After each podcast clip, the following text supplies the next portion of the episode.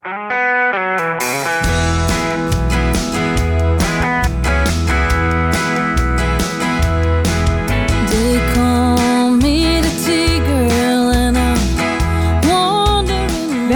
bij de Courage Podcast. De podcast waarin oud-topsporter en Olympiër Vera Koedoder op zoek gaat naar verhalen achter de topprestatie. Maar wat is courage dan? Courage staat voor moed en doorzettingsvermogen. En dat is nou net de rode draad door het leven van de gasten van deze podcast.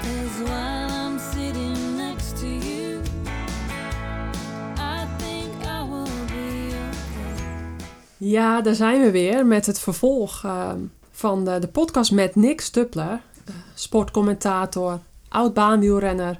En ehm, vandaag eh, dus eh, bij mij te gast om eh, nou, zojuist in het vorige deel al eh, te praten over eh, zijn eigen wielercarrière, zijn baanwielrencarrière en, en het vrouwenwielrennen, ehm, zijn Eurosport commentatorwerk en zijn vitaliteitscoach of coachingswerk. En nou, al heel veel onderwerpen in de, in de vorige aflevering besproken. Etappe moet ik eigenlijk zeggen. En ehm dan gaan we nu verder met, ehm, met een vooruitblik, de voorbeschouwing op de Olympische Spelen, op het baantoernooi. Onze gedeelde passie, Vera. Ja, ja, nou echt enorm hè. Ja, ik, ehm, ja, eh, ik zie bij jou de twinkeling in je ogen. En ehm, ja, je hebt natuurlijk zelf met Juri Havik grote successen behaald. eh, veel samen getraind, wedstrijden gereden op de baan.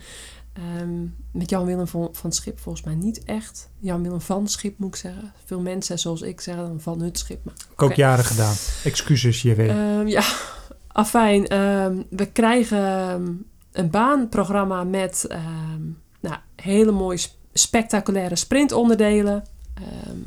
mooie spectaculaire duuronderdelen. Jij, Nick, was voornamelijk altijd eh, actief op de koppenkoers, de ploegenachtervolging, de puntenkoers en de scratch. Dat waren jouw onderdelen. Ehm, mijn onderdelen dan voornamelijk ook puntenkoers, achtervolging, scratch, omnium, koppenkoers. Omnium en koppenkoers die er pas later bij kwamen. Want vroeger deden we eigenlijk alleen achtervolging en de scratch. En dat was het. Als junior bijvoorbeeld, zoals ik. Dan had je, nou, het, ik als junior alleen puntenkoers en, en achtervolging.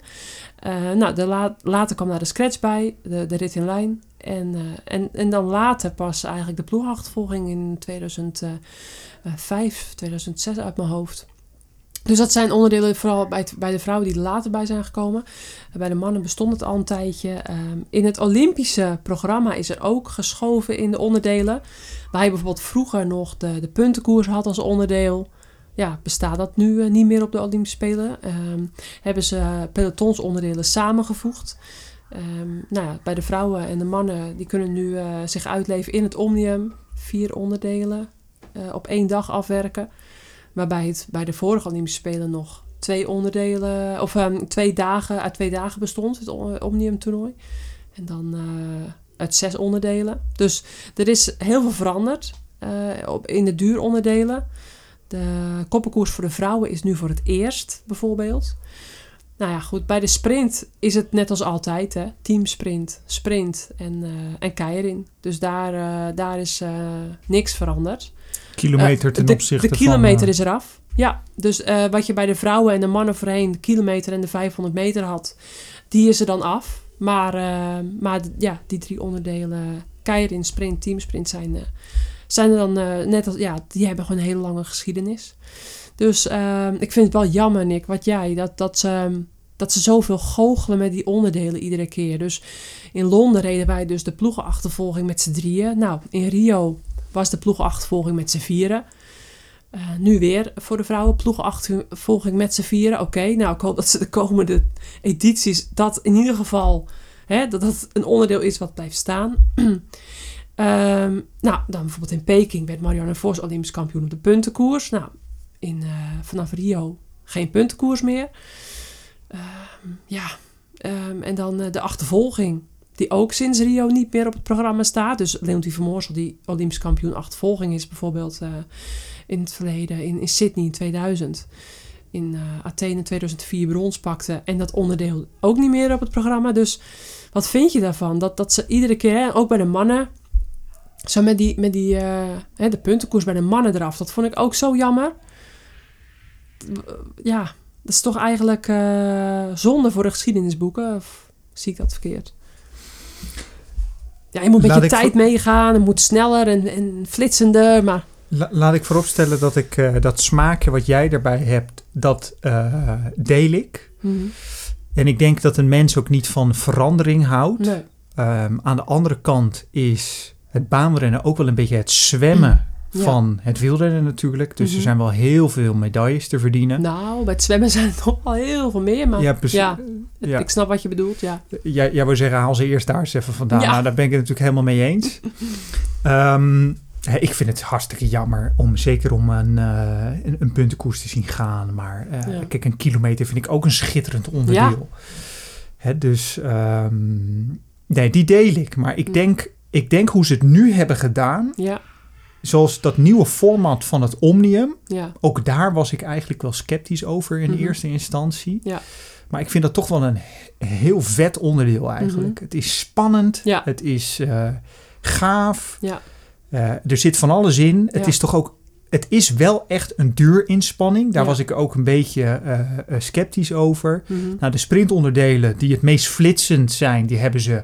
eh, en die dus ook breed gekeken kunnen worden. Hè? Want Ja. daar hebben ze ongetwijfeld naar over nagedacht. Dat Ja. staat wat mij betreft nog als een huis. Ik ben Mhm. natuurlijk super blij dat ze niet de koppelkoers eruit hebben gewipt. Daar was ook eventjes sprake van. Ja, Want een van de andere argumenten was ook... het is niet te volgen. ja, Eh, nou, dat zou ik natuurlijk... Ik bedoel, je, je, ik snap dat je eh, er ook vanuit een praktische lens naar wil kijken... maar we gaan, we gaan niet alles overboord gooien. Nee, hè? Dus nee. ehm, lang antwoord, maar ik ben er oké mee.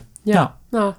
Ja, gelukkig. Ja, maar ik, dan hoop ik wel dat ze de komende... En, en oh, sorry, maar deze vind ik wel belangrijk. Ja. Die ploegachtervolging met vier bij de vrouw. Ja, dat, vind ik wel echt... Dat vind ik een goeie. Ja, gaaf hè? Ja. En wat gaat het gigantisch hard, hè? De vrouwen die, die eh, van nu, de, de top, de toplanden, die gewoon harder rijden dan de Nederlandse Olympiërs in de tijd van, nou ja, wat was het, Sydney en, en in die tijd, eind jaren 90, begin 2000, zeg maar, WK's en Olympische Spelen. Dat gewoon die, die vrouwen gewoon harder rijden dan de mannen van ons, van Nederland, van toen. Dat is bizar, hè? En ja, de ploegenachtervolging is ook zo'n technisch onderdeel. Hè. Het is, Mm. eh, ja, het, alles zit er eigenlijk in. ehm, Hey, maar als je er op die, vanuit die lens naar kijkt... waar gaan we dan over twintig jaar staan? ja, Hoe hard wordt er dan gereden? zo. Nou, het is bijna een sprintonderdeel geworden, hè, nu al. Dat ze ook sprinters soms inzetten, kilometerrijders, om, eh, ja, om dus ja, dat eerste deel van die ploegenachtervolging, om die snelheid eh, erin te brengen. En eh, ja, net als wat je dus bij de teamsprint hebt met een Roy van den Berg, die dus ehm, eh, de, de snelheid erin moet brengen als eerste man, als starter. En laten we daar maar eens mee beginnen. Want ehm, ja, de teamsprint, ja, laten we gewoon inderdaad beginnen met, met onze de grootste kanshebbers op goud. Kijk, op de eerste plaats, dat zei je ook een tijdje terug. Hè, dat ik zei, nou, eh, zullen we de, de baan eh voorbe, hè, voorbeschouwen? Dat ik zei, ja, en dan wil ik ook kritisch zijn op hoe wij als baanwielrenners worden neergezet. Hè, op de Spelen door NOC-NSF, door het Nederlandse volk. Toen zei hij, ja, want met baanwielrennen hebben wij eh, de kans op de meeste medailles van alle Olympische sporten in Nederland, toch? Dat, voordat we overgaan op, op Roy en, en een teamsprint, eh, wat, wat, wat kun je daar nog over zeggen? Want Nou, dat, dat is wel waar natuurlijk. Wat, wat ik er zeker ook over wil zeggen is dat het altijd. eh, het voelt ook altijd een beetje scheef om dat soort vergelijkingen te maken. Ja. Wat zegt dat nou ja, het zijn eigenlijk? appels hè? met peren uiteraard. je, je hebt ja. atleten en die, en die, het is- zijn allemaal mooie individuele verhalen. En als je dat op een hoop gooit, dan kan je inderdaad wat zeggen over het totale aantal medailles. Ja. Ja, maakt het echt uit. Ja, goed, dat laat ik aan elk individu over. Mhm. Maar mijn punt is eigenlijk, het baanwielrennen, en ik denk dat dat door jou gedeeld wordt, en zeg het anders als je het er niet mee eens bent, maar is relatief, dat gaat ongetwijfeld veranderen, dat is ook wel veranderd, maar nog steeds is het een ondergewaardeerde sport Ja. in Nederland. Ja, vind ik ook. Ja, Oh, en, en ik snap, ik, kijk, ik kan het begrijpen als mensen het minder interessant zouden vinden of het lastiger te volgen vinden. ja, Maar als je sec kijkt naar de, de, de, de toppers die we hebben en de inspanningen die zij leveren. ja, En nou jij zegt net, laten we zeker, als we ze allemaal even nalopen, laten we zeker met de teamsprint beginnen. ja. Ja, dat deel ik helemaal, man. Dat is het. Ja, dat is natuurlijk dan ook een beetje eh, een soort van eh, cliché wordt dat straks. Maar Ja. ik noem het heel vaak het vlaggenschip van het, Ja. van het Nederlandse wielrennen. Want die gasten zijn zo bizar goed. Als je gewoon niet kijkt, normaal. niet te geloven. Niet te geloven. Nee. Dat is echt uniek hoor, dat we, dat, dat we zo'n team hebben in Nederland. Kijk, we hadden voorheen al een heel goed team, dachten we. Met Theo en Teun. En, eh, en, maar eh, Jan Boors was dan toen de starter in, eh, in Athene 2004. Dat was ook leuk. Hè? Jan en Theo toen eh, in één teamsprint met Teun Mulder ertussen. Eh, nou, toen hadden we in Londen... ehm, ja, hadden we toen? Teun en, en Tim. Tim, natuurlijk de andere T. We hadden altijd Teun, Tim en Theo als teamsprint. Maar goed, in Londen deed Tim dan niet mee op de teamsprint. Eh, het is toen een tijdje minder gegaan ook. Want eh, we hadden een aantal jaren dat, dat, dat eh, Teun, Theo en, en Tim nou, medailles pakten. WK's en, en, wereldbekers. En eh, nou goed, eh, geen eh, medaille dan op de Olympische Spelen. Maar ja, dat was ook echt een, een topteam, dachten we. Maar, maar toen kwamen die jonge gastjes eh, uit de BMX over. eh, met hun, eh, met hun eh, ja, eh, gespierde benen, met hun, met hun eh, ja, kracht, eh, krachthonken achtergrond. Toen gingen ze allemaal van, van kleine verzetjes, hè, wat, wat, wat het teamsprint eh, begin 2000, eh, twee, ja, in het begin van deze eeuw fietste. En toen gingen ze over naar gigantisch grote platen. Eh, dus eh, verzetten. En, eh, ja, en, en, dat, en dat krijgen ze dus eh, als een koffiemolentje nog in de rond ook. En, De korte versie is dus dat eigenlijk het, het sprintonderdeel, maar we kunnen het zo ook nog zeker over de duuronderdelen hebben, want daar geldt enigszins hetzelfde voor, Mhm. is een andere sport Ja, geworden. ja. Het is gewoon een andere sport geworden. ja. Het zijn andere atleten, bij wijze van die het ook nu beter doen. Omdat, er, omdat er meer duidelijkheid is over wat is nou het beste profiel en Ja. de beste voorbereiding voor zo'n inspanning. Ja, ja dat klopt. Eh, Theo Bos, die eh, nog een wereldrecord heeft gepakt eh, op een 200 meter vliegend in Moskou. Wat inmiddels natuurlijk al lang en breed verbeterd is. Maar dat ook op een verzetje deed, ja, daar wordt hij nu voor uitgelachen. Maar dat was toen. toen Maar, Theo was natuurlijk het, het, het voorbeeld ja, van een elegante eff- en efficiëntiemachine Ja. natuurlijk. Hè? en Heel soepel, Ja, extreem snel. ja, En nu, dat, dat, dat is natuurlijk nog altijd een onderdeel wat je erin wil hebben, waar je op traint en wat belangrijk is. Maar het is toch voornamelijk gewoon, eh, ja, gewoon, gewoon, gewoon de oven vol maximaal aandraaien en gewoon rammen. Ja. eh, hè? ja, ja dus, dus dat is wel eh, bizar hè, hoe dat in de, nou, pak een beetje de afgelopen 15 jaar is ontwikkeld. Ehm, volgens mij begon dat wel eh, vanuit het buitenland. Hè, dat op een gegeven moment eh, ja, Nederland ook gewoon wat achterbleef op bepaalde onderdelen. Ook bij de vrouwen overigens. Maar ja, andere landen gingen gewoon met, met, met grotere verzetten eh, rijden. En, en ja, andere landen volgden. En nu, ja, nu is dat inderdaad een andere sport geworden. En ehm, ja, het, ehm, het is denk ik wel leuk om even Roy eh, van den Berg te citeren. Ik had hem gevraagd, eh, nou, hoe, eh, hoe voel je je bijvoorbeeld? En nou, ik zal hem even citeren. Hij, voelt zich goed.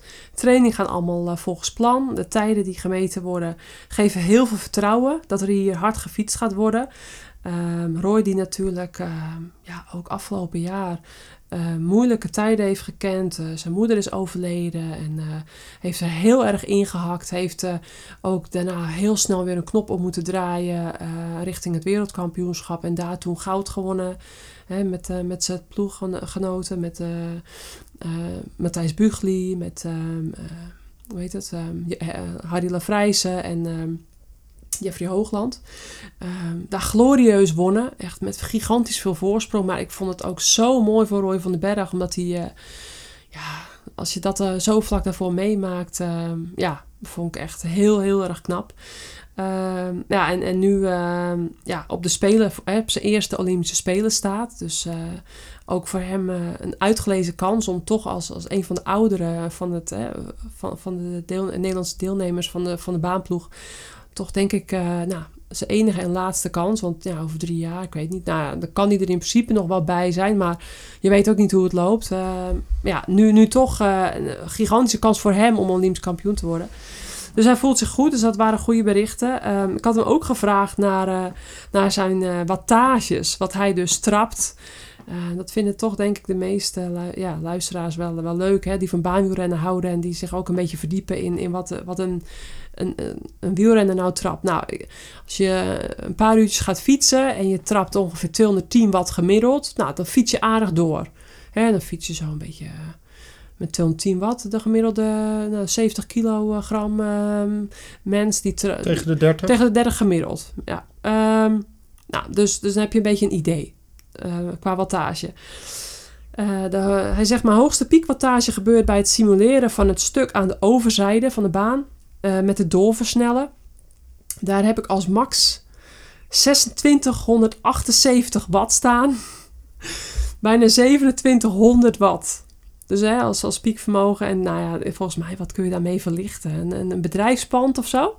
Kun je ermee verlichten? Het is niet voor te stellen hè, dat je zoveel wattage uit, uit benen kan halen. Eh, nou, dat, vind ik wel heel leuk om op te noemen. Zijn, heb ik ook gevraagd, wat haal je dan in de, in de teamsprint voor, hè, in, als het er echt om gaat? Ehm, nou, die weet hij niet op piekmomenten. Want eh, aangezien ik daar geen wattagemeter op de fiets heb zitten, ehm, alles moet dan extra stijf zijn qua cranks. Maar dat zal ongetwijfeld niet veel schelen of zelfs hoger. Eh, hij durft dat niet te zeggen, maar ehm, ja, het is toch wel bizar hè? Dat, hij, ja, dat, hij dan waarschijnlijk dus ook gewoon eh, tegen die 2700 watt aan zit. Eh, ik heb hem ook gevraagd naar de omstandigheden, naar de baan. Ze zijn eh, nu sinds een paar dagen gearriveerd in Tokio en de baan voelt heerlijk aan. Hele mooie bochten voor een teamsprint. Heel stabiel. De bochten vloeien super. Deze mag jij straks uitleggen. Het is een lage hectopascal, ongeveer 962 hpa. Mooie omstandigheden met luchtdichtheid. Lange rechte stukken. Een recept voor goede transities met het uit- of afsturen. Hè, dus met de teamsprint eh moeten ze natuurlijk uit de baan sturen. En eh, nou, dat, eh, dat is dus een... op die baan gaat het dus blijkbaar is het heel prettig voor hun. En nou, een wereldrecord is dan niet een doel op zich. Al denkt hij wel dat er hier met hun vorm, zoals ze nu eh, bezig zijn, dat, dat het erin gaat zitten als alles perfect verloopt. En ook nog heel het belangrijkste dat iedereen gezond blijft de komende dagen. En goud is uiteraard het doel. Dus eh, hele positieve eh, berichten van, eh, van Roy van den Berg. En eh, ja, als je dit zo hoort, wat, ja, wat gaat er dan, wat voor gedachten krijg je daarbij? Nou, mijn enthousiasme wordt nog eens een keer natuurlijk eh, aangewakkerd. Ik heb ook eh, Roy zelf al eh, in de afgelopen weken gesproken. Mhm. Zo ook nog een heleboel andere atleten. En weet je Ja. wat het mooie is? Ik krijg eigenlijk allerlei van dat soort berichten Ja. terug. Dus het loopt gewoon goed. Ja. Het loopt soepel. Er is weinig tegenslag of Mhm. wind van voren, zullen we maar Ja. zeggen. Ja. En dat is ook niet, hè, dat hoort er soms ook bij. En je, je hebt natuurlijk Ja. van alles te verteren. Maar de voorbereiding eh, is, is gewoon heel erg goed voor het Ja. Nederlandse ploeg. Zowel bij Ja. de sprint als bij de duur. Ja, ja en, eh, en als je dan eh, ja, over, de, over de baan zelf, wat, wat denk jij qua wereldrecords? Wat, en, Ja, kijk, op een, kijk je, het allerbelangrijkste is dat, ehm, dat de atleten natuurlijk gewoon in absolute topvorm zijn. Dat is wat mij betreft de, ja, een hele belangrijke factor. Of je hele snelle tijden gaat zien en dan of het op hoogte is, of het een Ja. gesloten of open baan is. Nou, dat zijn een beetje de, eh, de grote, grote verschillen. Ehm, ik moet heel eerlijk bekennen dat ik me nog niet heel erg heb verdiept in de baan specifiek. Mhm. Dus hoe zijn het korte bochten? eh, hoe Ja, stijl is die bochten. exact? ja. Ja, korte bochten inderdaad. en Dat lange zei, rechte ehm, stukken, ja. dat, dat, dat, zei Jury ook, ja. Ja.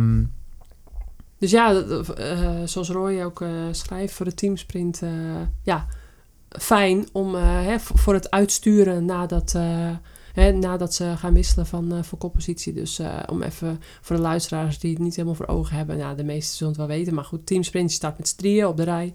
En dan, ja, doe je allemaal één ronde. En dan eh, moet je dus wel ook op het juiste moment eruit sturen, anders dan word je gedisqualificeerd. Het moet op tijd zijn. En dat, eh, ik denk dat hij dat ook bedoelt. Dat, dat die lange rechte, ja, dat lange rechte stuk van die baan, dat dat daar, eh, ja, dat je dat dan beter kan doen dan dat het een kort stukje is. En dat je dan als renner ook een beetje gedesoriënteerd bent. En dan dat je daar eerder fouten in kan maken, denk ik.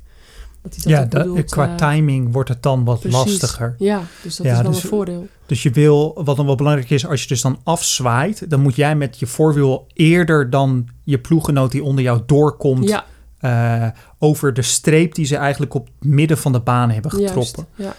Ja. Ja, Dus ja, ehm, wat, wat verwacht je? Ehm, kijk, komt, komt ehm, Tokio misschien een jaar te laat voor deze mannen? Ze zijn supergoed bezig. eh, ze zijn gezond. eh, ze zijn eh, ja, gewoon torenhoog favoriet. Maar de Engelsen, die hebben eigenlijk alle vorige Olympische Spelen laten zien... dat als de...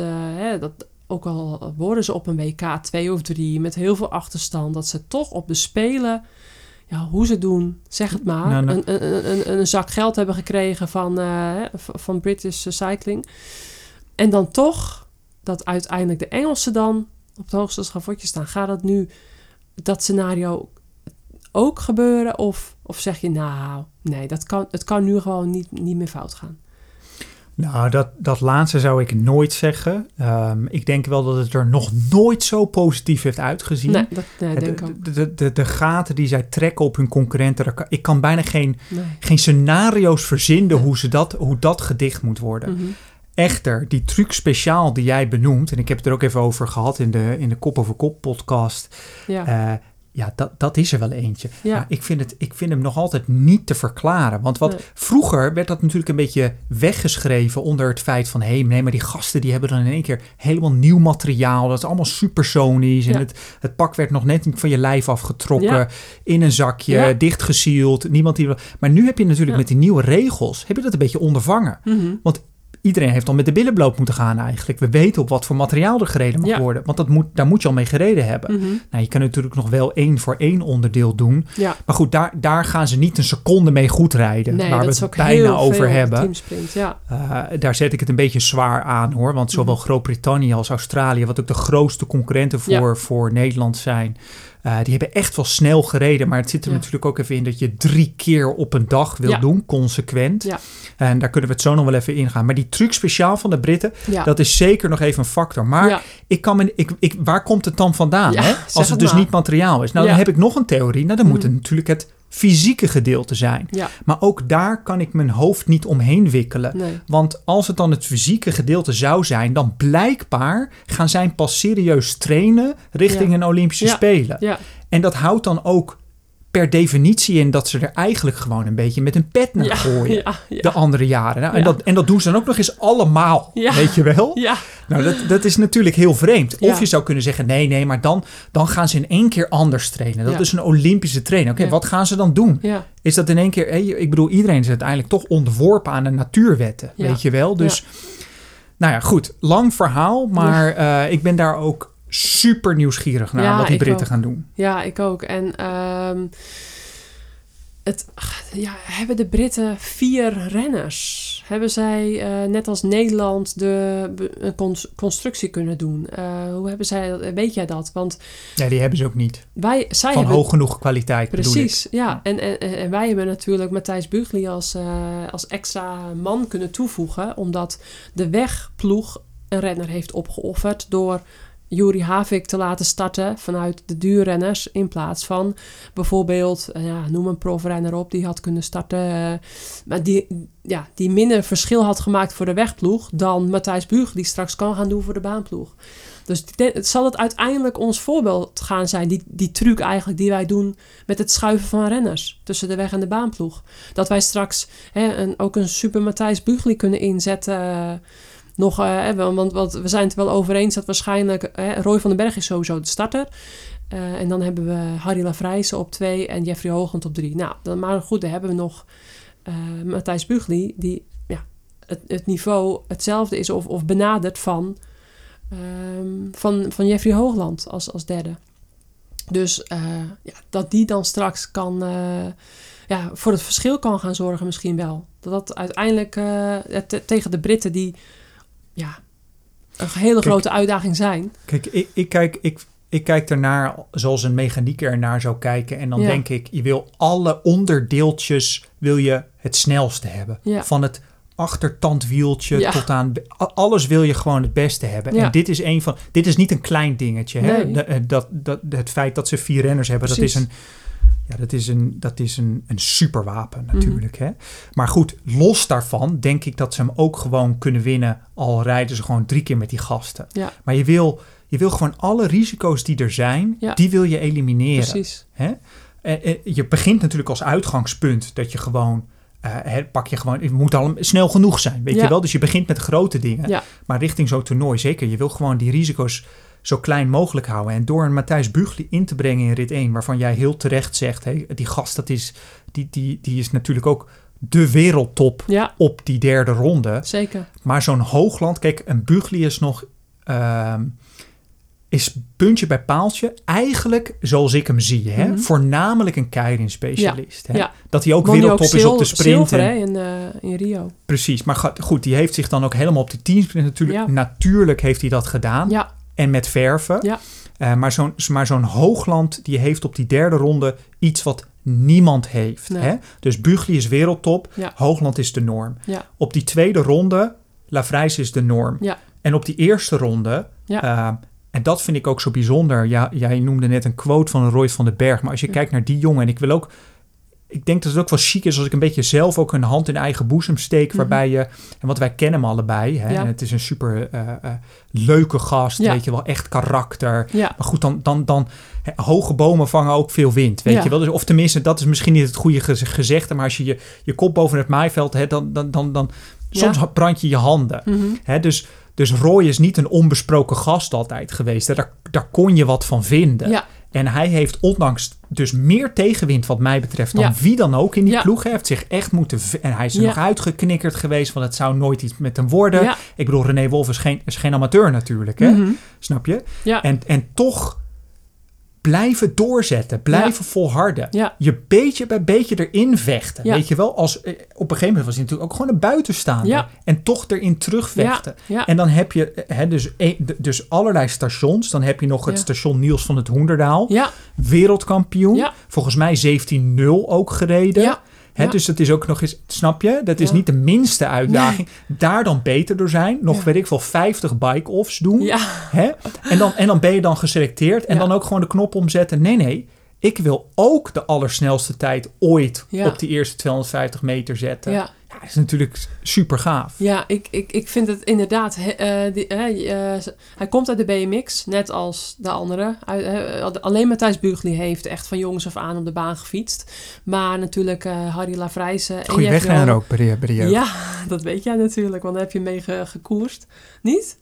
Volgens mij is hij ongeveer jouw leeftijd. Oh, ja. Ehm afijn, die, eh, die, jongens, eh, die andere jongens komen uit de BMX, Hoogland en Lavrijzen. Maar ehm, ehm, Roy, die echt als een... Inderdaad, ja, ik, ik, kan hem nog zo, zo, zo goed voor me halen. Het was echt een, ehm, ja, een spring in het veld. Eentje met... Ja, het, het, het was echt een bijzondere jongen. eh, Maar dat heeft hij dus allemaal weten te kanaliseren. precies, nu. ik En vind dat het zo echt- knap. Ja, Ehm, hij, hij heeft inmiddels een gezin hè, met, met, met, met oud, eh, ook eh, Olympiër Yvonne Heigenaar. Ehm, en ook drie keer Olympische Spelen gedaan. Nou, ze hebben twee jongens, Ros en Ryan. Nou, ik, ik schrijf ze alvast op voor, voor over een jaar of 18. Ehm, ja, nee, die hebben de optimale genen. En ik ben een keer op kraambezoek geweest, ook toen bij de jongste. Maar toen zag ik de, de oudste al, al rond eh, dartelen. Nou, toen, eh, die had een energie eh, voor 20. Dat was echt een tweede rooi zo'n beetje. Dus ik, ik zal nu alvast vastleggen in deze podcast op, wat is het, 30 juli 2021. Eh Ros en Ryan van den Berg, die, ja, die, ja, die hebben wel een hoop genen meegekregen, denk ik. Ehm, dus dat is hartstikke leuk. Maar door dat vaderschap is Roy van den Berg ook, ja, ook volwassener geworden en, en, en eh, serieuzer geworden. Eh, denk, ik denk dat dat wel meespeelt. Ook in hoe hij nu als topsporter eh, is. En hij heeft de volledige steun van Yvonne achter zich. En ja, die snapt natuurlijk als geen ander wat voor droom hij heeft. Want eh, ze heeft zelf ook drie keer Olympische Spelen gedaan. En dat is natuurlijk heel belangrijk dat je zo'n thuissituatie hebt met iemand die je volledig begrijpt en achter je staat. En ja, ik, ik, ik, het zou fantastisch zijn hè, voor, voor Yvonne, voor, voor die jongens thuis. En eh, ja, als Roy eh, dat goud mee naar huis kan nemen. Het, van harte gegund. En ja, het is echt mooi om, om, om, om zo ja, te bedenken hoe, ja, waar hij vandaan komt. Met, met alle tegenwind inderdaad, wat je zegt. Dat zijn mooie sportverhalen, ja. De teamsprint is dus het onderdeel waar wij denk ik wel eens zijn grootste kans Ja. is. Alhoewel ik eigenlijk niet weet of je dat kan zeggen. Want bij de teamsprint kan er nog... Je kan net je pedaal schieten. Ja. Vraag het maar aan Harry Lavrijs. Zo. Overigens zou ik zeggen dat ze daar dan nog steeds een kans zouden hebben. Ja, Eh, hè, als we het over de individuele sprint hebben. ja, Nou, misschien en is, misschien is dat wel het allergrootste onderdeel. ja. Ehm, maar met die teamsprint, wat er nog wel even spannend was, is dat ze het echt, eh, en dat zie je trouwens ook in andere onderdelen, wat ik begreep ook bij het Omnium, is dat ze het in een dagdeel proppen. ja. Dus het volgt elkaar heel rap op. Ja. Nou, en eh, wat ik wel een beetje begrepen heb, is dat de soep niet zo heet gegeten wordt als die geserveerd wordt. Want het, het, het is toch wat, er zit toch wat langere pauzes tussen Mhm. bij de teamsprint als we origineel dachten. Maar dat zijn nog wel een beetje voor mij de dingen waarvan ik. Maar dat is allemaal. eh, dat zijn allemaal de, de, de risico's van de uitzonderingen, weet Ja. je wel. Ehm, Ja. Dat vind ik nog wel spannend. Eh, waarbij ik ook waarschijnlijk ervoor had gekozen. Ik begrijp dat ze dat niet per se doen. En dan zeg ik dat ook met bescheidenheid. Want ik vind in eerste instantie moet je echt de atleet daarin het beste vertrouwen. Mhm. Maar ik had er waarschijnlijk voor gekozen om in die eerste ronde ook een tandje lichter te rijden. ja, ja, ja. Eh, eh, En dan met name voor Lavrijzen. Want je Ja. brengt, Bugli breng je al in, dus daar spaar je een Hoogland. Nou, Hoogland weten we, hey, voor Jeff, die, die is niet alleen extreem snel, maar wat hem misschien nog wel bijzonderder maakt, is dat hij dezelfde prestatie in een hele korte tijd daarna nog een keer kan neerzetten. Ja. Nou, maar Lavrijzen heeft op positie 2 een super zware job. Ja, En als die hem daar verliest, weet je wel, dan wordt dan. Ja, dat is een enorme krachtinspanning. Ja. Dus ik zou dat risico willen voorkomen. En omdat je. Het is eigenlijk een beetje de eerste ronde, is eigenlijk een beetje voor de bühne. Ja. Hè? Want je, ze start daar maar met acht. En dan kwalificeer je voor de volgende ronde. precies. Nou goed, het maakt natuurlijk even uit tegen wie je rijdt. Hè? Dat snap ik allemaal. Ja. Eh, dus er is wel wat te verliezen, zullen we maar zeggen. Mhm. Maar stel je voor dat je gewoon ervoor net een tandje kleiner Ja. steekt. Ja. Voor Lavrijzen, hè? dat hij net wat makkelijker meestart als het ware. Ja. Dat zijn nog wel de dingen die ik eh, waarschijnlijk erin had gebracht. ja, precies, ja. Ja, goed. eh, Hugo Haak zal er vast over nagedacht hebben, onze sprintcoach, toch? Tuurlijk, tuurlijk. Ja, misschien dat ze het wel gaan doen, maar ja. En ze hebben ook simulaties gedaan overigens. ja Met drie keer op een dag. Ja, ja. Dus, dus- ze weten, die gasten weten natuurlijk wel. Die hebben daar een goed gevoel voor. Ja, ja. Goh, nou, ik, eh, ik kijk daar eh, naar uit. Maar ook dus de sprint en de keirin. Eh, weten ze al wie er gaat starten op de, op de keirin? Of, of ehm, besluiten ze dat pas later? Want ehm, naar mijn inzicht, als ik het goed heb gelezen, dan gaan Lavrijzen en Hoogland samen op de sprint. En dan eh Bugli op de keirin met nog Hoogland of Lavrijzen. Want eigenlijk kunnen al die drie mannen goud winnen op de keirin. Ja, in theorie wel. Dat is zeker zo. Maar Jeffrey heeft dat nog niet heel vaak laten Mhm. zien. Hij is wel volgens mij EK ook eh, Europees Ja. kampioen geweest. Hè? Ja. Maar als we even kijken gewoon naar de afgelopen twee jaar... dan wil ik voornamelijk naar een WK kijken. Ja, Dan, zou, dan zou in eerste instantie eh, voor mij wel de selectie zijn... Bugli en eh Lavrijzen. Ehm, eh, tegelijkertijd, als je kijkt naar de snelheid qua inspanning, hè, ik bedoel, is, is Hoogland de één na snelste na Lavrijzen en, en, en soms kan hij hem ook nog kloppen, weet Ja, je wel? Dus, ja. dus die snap ik helemaal. Maar een Ja. Keirin, ja, dat weet jij ook, dat is natuurlijk een beetje een loterij. Ja, En omdat een Hoogland al drie keer in de teamsprint als laatste rijdt, hij heeft ook de sprint. Ik bedoel, je hebt maar zoveel aandacht. ja, Ehm, en ik snap, die gasten zijn extreem goed. Hè, en die kunnen daarmee misschien omgaan. ja. Maar ik heb zoiets van, nee, zo'n Bugli even inschuiven voor die eerste heat in de teamsprint. En hem dan helemaal op die keiling laten Ja. Dat, dat, is misschien dat, het meest tactische als ploeg om te Zeker. doen. Ja. Maar hoe zij daarmee omgaan, en ik, ik snap dat wel. Ik, ik, ik denk dat ik wel de knoop gewoon al van tevoren had doorgehakt en, en, en dat risico op me had genomen. Ja. Maar wat zij zeggen, nou, maar Bug- Bugli die start, maar wel onder, onder voorbehoud van vorm eh, Ja. eh, eh, behoud. Nou, voor Ja. sommige atleten kan dat natuurlijk best wel een beetje beknellend zijn. Ja. Dan kan je zeggen, luister, dit zijn gasten die voor de, de, de titel rijden, dus die kunnen daar wel mee omgaan. En Ja. oké, dat is een goed punt. En ik kan je zeker zeggen, mijn beste inschatting is dat Matthijs daar heel goed mee omgaat. ja, Weet je, maar ik, ik denk nu in deze fase had, had ik gewoon het, eh, eh, de knoop doorgehakt. Ja, maar goed, precies, stel je ja. voor dat, dat die dus niet echt, echt, echt dat gat tussen Hoogland en Bugli te groot is. Ja. Ja, dan kunnen ze Hoogland nog inzetten op de keiling. Ja, precies. Nou, ja, die, eh, ja, ze kunnen het alle drie. Wat ik zeg, eh, ja, wat denk je zelf? Eh, wat, gaan ze doen als Nederland? Gaan ze proberen 1 en 2 te worden? Of eh, gaan ze voor één iemand dan rijden? Wat denk je? Die jongens willen natuurlijk allemaal Olympisch kampioen worden. Het scheelt dat eh, de, de, de, de teamsprint al is geweest. Hè? Dus ze hebben hopelijk, waarschijnlijk al de plak die ze willen. De gouden hebben ze al in de pocket. Maar Wat belangrijk is, Vera, nu jij deze vraag stelt, denk Ja. ik er ook over na, is dat ze als 1 en 2 kwalificeren. Ja, Want anders precies. dan komen die schema's anders uit. En Ja. wat natuurlijk je ergste nachtmerrie eigenlijk is. Ik bedoel, ik zet Ja. het een beetje dik aan, hè, maar dat ze elkaar tegenkomen in de halve finale. Ja, ja, ja, ja. Hè, want dan, want, want het, niet alleen het feit dat je ze liever natuurlijk in de grote finale tegen me en, en hoor ons spreken. Ik bedoel, het is de Olympische. Spelen. Ik, het is allemaal, ik snap het, het is allemaal heel positief. Maar goed, ik denk ook wel dat de prestaties eh, van de afgelopen jaren dat rechtvaardigen. Maar eh, het zijn, dat gaan ook enorm zware heats zijn. Ja, Snap je? Dus, dus als je dan een bewijzen van een, een truc speciaal Brit in, in, in de finale weer tegenkomt, ja. Ja. dan sna- snap je? Dus, Ja. dus dat is wel eventjes om eentje om op te letten met de 200 meter kwalificatie. Ja, zeker. Ja, ja sprint en, eh en keirin. ehm, ja, ook gewoon eh, toch kans op gewoon vier medailles uit. Hè? Kun je Nee, wel meer. zeggen. Nee, maar ik bedoel, eh, er mogen maar twee Nederlanders starten. Dus grote kans dat ze ook wel, ja, net als met de EK's Oh, zo, en de ja, ja. WK's, dat ze uiteindelijk ja, allebei op het podium gaan, eh, gaan komen. Dan hebben we de vrouwen op de sprint. eh Shannon Braspennings en Laurine van Riesen. En het grappige is denk ik wel om, ja, toch even te noemen dat... Ik weet al wat nou, er komen gaat. Ja, Eh, zeg het maar.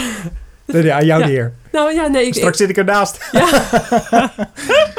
nee, ik vind het wel leuk dat, ehm, ja, dat toch al best wel wat jaartjes nu Bugli een relatie heeft en samenwoont met Laurine van Riesen en, eh en Sjanne Braspennings met Jeffrey Hoogland. Dus, eh, nou ja, goed, en Roy van den Berg heeft dan een, eh, ja, hun, hun voor, een van hun voorgangers thuis zitten.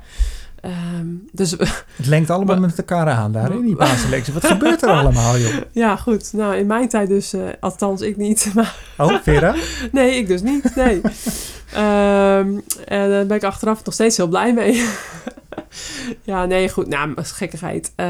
Nee, weet je, je, je hebt eh, zoveel dagen dat je met elkaar onderweg bent. En dan, eh, ja, dan ontstaan die dingen. En ja, ik vind het ook wel leuk. eh.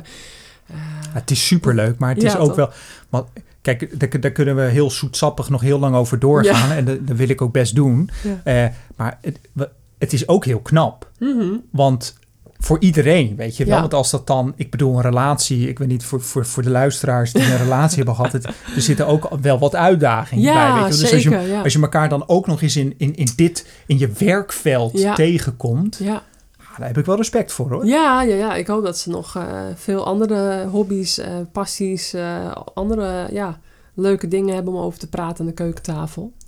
Ze terugkomen van de training. Dan over de training of de wedstrijden praten. Maar goed, eh, ja, dat is wel, eh, wel een leuk feitje om op te noemen. Ehm, verder, ja, nou goed, hoe gaan ze het doen? Ik hoop dat er niemand uit elkaar is gegaan in de tussentijd.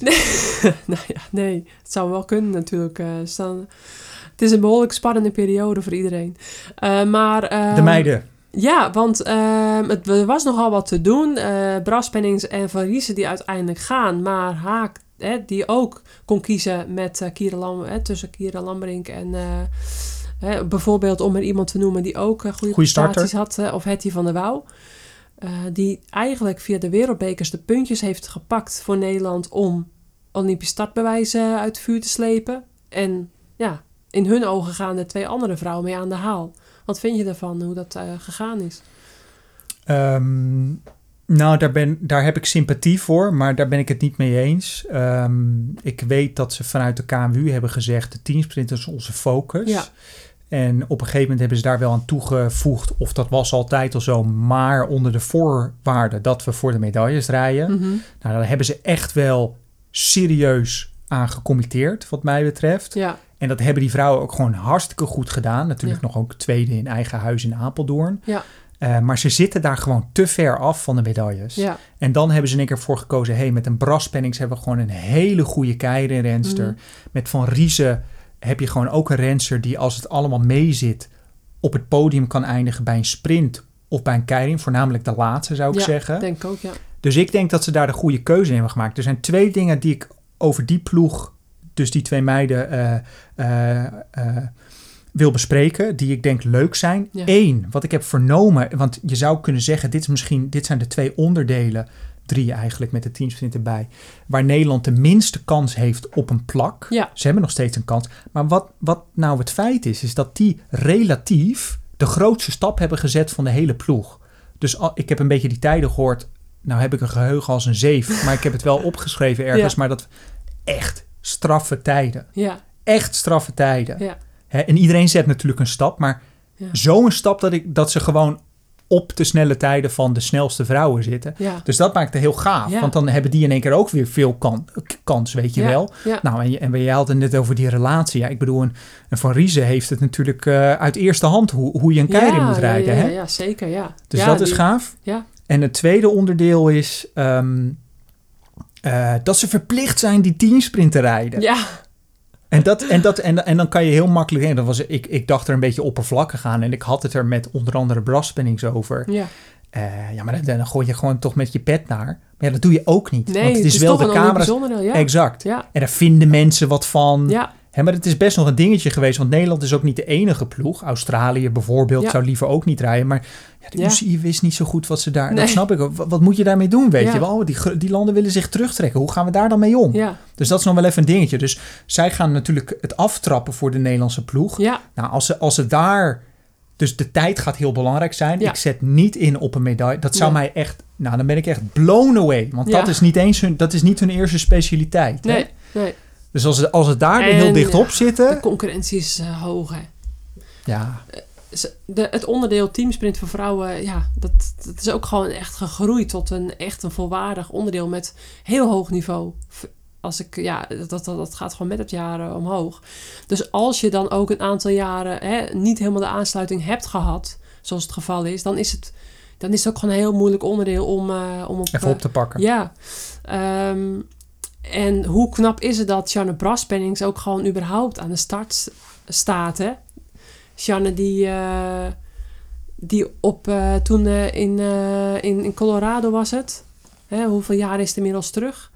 Maar toch, ja, gewoon op het aller, allerhoogste niveau is teruggekomen na de, ja, de, de, de operatie aan haar hart.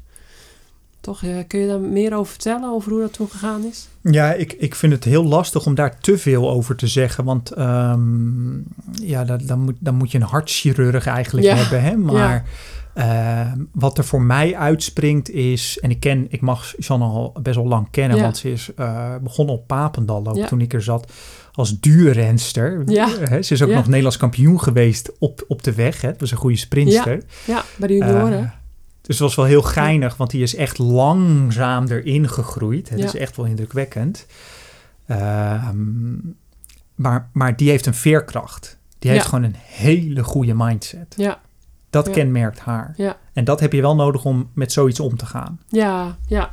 Ja, ehm, ja, ik vind het echt super knap dat, eh, dat ze echt eh, voor, eh, ja, voor een moment ook dacht... ja, mijn carrière zit erop. En, en ook die onzekerheid die je dan hebt. Hè, dat je nog weer zo'n voorval krijgt eh, Mm. met, met, de, ja, met de hartproblemen. En nou ja, eh, ik ben he- ook, ja, gewoon heel, eh, helemaal nu ik jouw verhaal heb gehoord, ben heel benieuwd hoe, eh, hoe ze het gaan doen, eh, die meiden. En eh, ja, laten we hopen dat ze, dat ze boven zichzelf uitstijgen. En dan kan er denk ik eh, gewoon eh, heel veel moois uitkomen.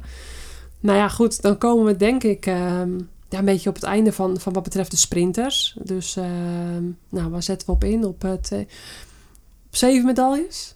Ah, weer al- Laten we er geen nummer op plakken. Nee, oké. Nee, goed, goed idee. Dat willen mensen altijd weten, ik. maar het is is wel lastig om hem te voorspellen. Ehm, dan gaan we naar de duur. Ik, ik heb het al een paar keer gedaan, dus ik wil eigenlijk ik wil het Nee. mezelf afleren. Ja, goed, goed. Nee, dat doen we. We gaan ook bij de duur ook gewoon geen medailles eh, voorspellen. Ehm, maar daar hebben we Jan-Willem van Schip. is wel overzichtelijker. Ja, maar ja, goed. eh, ja. Ja, je- sorry. Go ahead. JW. ja.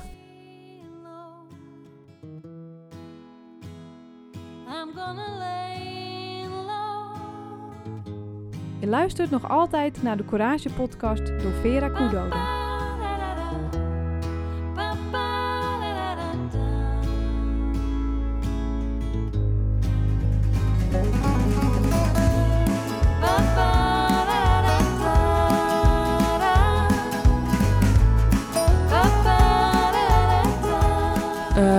Onze fietsende professor zo'n beetje. Ehm, nou, daar hadden we in, in, eh, in, in het vorige deel eh, van de podcast al over gehad. Ook eh, over dat ehm Juri Havik jou een beetje met eh, Jan-Willem van Schip eh, vergeleek. Met het, eh, wat betreft alles uitpluizen, eh, alles perfectioneren, niks aan het toeval overlaten, eh, nieuwe dingen uitproberen. Kan zo gek niet zijn. Dan hebben we ja, jouw vorige eh, koppelmaat, jouw, eh, jouw maatje, eh Juri Havik en, ehm, en Kirsten Wild en Amy Pieters bij de vrouwen. Ehm, vier eh, renners, geen ploegenachtervolging bij zowel de mannen als de vrouwen. Hoe jammer is dat? Nou, hoe jammer is dat? Goh, wat een Ja, vraag. ik vind Ja, het heel is- jammer. Ja, dat, dat, dat- dat weet Ja. ik. Dus misschien moet jij maar even aftrappen. Hè? Dan kan Nou- ik er een beetje in komen. Wat, wat vind je er zo jammer aan? Nou goed, kijk, in Londen werden we zesde eh, bij de vrouwen. En eh nou, was het een eh, ploegachtervolging met drie rensters. In Rio was de ploegachtervolging met vier rensters. En dat, dat, dat niveau, dat groeit, dat groeit, dat groeit. Er zijn landen, nou, die, die hebben allerlei data verzameld. eh, die verzamelen hoe je het beste een, ploeg kan neerzetten. Qua volgorde, qua aerodynamica, noem het allemaal op. Het is zo'n technisch onderdeel. Je moet niet alleen hard kunnen trappen. Technisch moet je goed kunnen zijn. Je moet dicht op het wiel kunnen rijden. Je moet goed kunnen aflossen. Dat lopen we allemaal achter. Je kan straks wel eh, in Nederland vier sterke renners bij elkaar zetten. Maar dan, dan moet je nog wel allemaal snappen hoe een ploegenachtervolging werkt. Dan moet je eindeloos op trainen. Eh, je moet weten wat een renster kan. Het moet allemaal opnieuw weer uitgevonden worden als het ware. Met vier rensters is het heel anders dan met drie rensters. Snelheid ligt veel hoger. Het is van drie kilometer naar vier kilometer gegaan. Allemaal ja, ontwikkelingen in die sport. Eh, dan moet je straks allemaal, als je nog hè, wat wil doen op dat onderdeel, moet je dat allemaal gaan inhalen. Dat vind ik gewoon zonde. Hè, want we hadden een best goed niveau qua, hè, om te starten. Ik bedoel, we hielden, landen als Duitsland achter ons. Goede landen hielden we toen achter ons. En hè, die, die meiden die rijden nu nog steeds. Bijvoorbeeld een Lisa Brennauer, om maar wat te noemen. En ook echt een, een klasbak. Maar eh, ook bij die mannen doen we al jaren niet meer mee. En dan zal hetzelfde moeten gebeuren. Wil je daar ook weer een ploeg op de benen brengen? Nou zijn ze al hè, een aantal jaren bezig onder leiding van Vulke van Gulik met jonge meiden, jonge jongens, allemaal eh, kansen te geven, ehm, goed materiaal te geven, eh ja, wedstrijden rijden. Maar het is nog wel steeds, hè, we zijn niet nu aanwezig en eh, over drie jaar, ja, ehm, toch wel een korte tijd ook weer om dan eh, iets goeds op de been te zetten. KMU heeft eh, na 2012 besloten, we stoppen ermee, geen ploegachtervolging meer, geen toereikende resultaten. Ja, het is zo'n mooi onderdeel. En in Nederland zit er zoveel potentie. Ik bedoel, ehm, ja, om gekscherend te zeggen, een Chantal Blaak, die bij bijvoorbeeld WK bij junioren een Ja, dit, is dit, dit is leuk eh, trouwens, want hier zijn jij en ik het over oneens. Maar ga, ga verder. ja, eh, Annemiek van Vleuten, die tweede werd op, op de weken achtervolging in Apeldoorn een aantal jaren terug. Maar, maar misschien ook hè, zoiets onder de knie krijgt. Nou, dat, dat, dat, ik snap dat dat bij haar niet te doen is met haar ambities op de weg en de, en de tijdrit. En daar heb je nu direct al een ja, hele belangrijke Precies, maar ja, Ellen van Dijk is niet aanwezig geweest nu op de weg en de tijdrit. Hè. Ze, zat, ze, ze- was reserve, maar hè, uiteindelijk in, in Londen combineren ze dan wel, de Ellen van Dijk, hè, de, de baan met de weg, haar, haar tijdrit, de wegwedstrijd en, en ploegenachtervolging. Kirsten Wild en Amy Pieters, die, die rijden op de baan. Nou, die focussen dus op de koppelkoers en, eh, en Kirsten dan op het Omnium. Maar goed, ehm, ja, in Nederland er rijdt er zoveel talent rond. Eh, Lonneke Unike, die rijdt momenteel eh, op de baan eh, rond. Ook nog heel, heel sterk. Oh, heb- maar heb daar je- ben ik. Dat is mooi nieuws. Ja, en, ik moet er ja. ook nog even Wiebes op de baan krijgen. nou, Wiebes die ook het NK meedeed afgelopen jaar op de baan. Ook snelle benen heeft natuurlijk. Milene de Zoete, die al sinds de junioren heel goed rijdt. En ook Nou, en internationale Amber van medailles. En- Amber van der Hulst. Ja. Dus ze zijn ook nu wel aan het bouwen. Hmm. Maar ik vind het jammer dat ze dan toch ook niet... toch een aantal gerenommeerde toppers zover hebben gekregen... Van, en toch die Olympische droom... voor een bijvoorbeeld een Chantal van der Broek-Blaak... eh, nou, Oké, ik ga even reflecteren op wat Ja, je allemaal hebt gezegd. precies. En eigenlijk had ik een notebook mee moeten nemen, even, want het is, eh, het Ja, is een heleboel.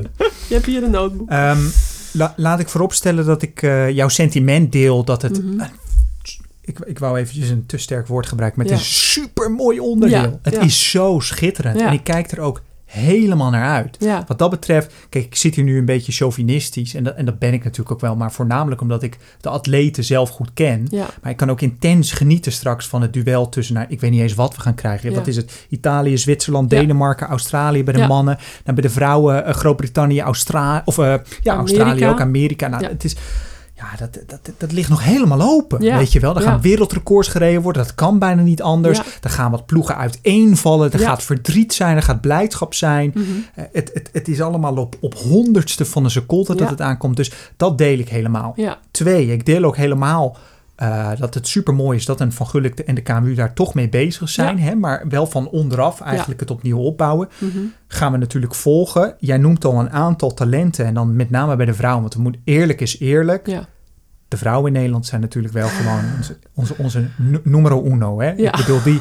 Ja, dus, Ja. dus eh, en, en je noemt een aantal talenten die wat mij betreft de specificaties hebben die je nodig hebt. Ja. Daar heb, zijn jij en ik het een beetje oneens. Want jij noemt een aantal vrouwen waarvan ik nou zeker groot fan ben. Maar ik denk niet dat de specificaties van een Van de Broek Blaak en een Van Vleuten Mhm. en een Van Dijk misschien vroeger, maar nu ook niet meer, Mhm. dat die niet hebben wat er nodig is nu op een ploegenachtervolging. Mm. Hoe goed Ja. ze ook zijn. Ja.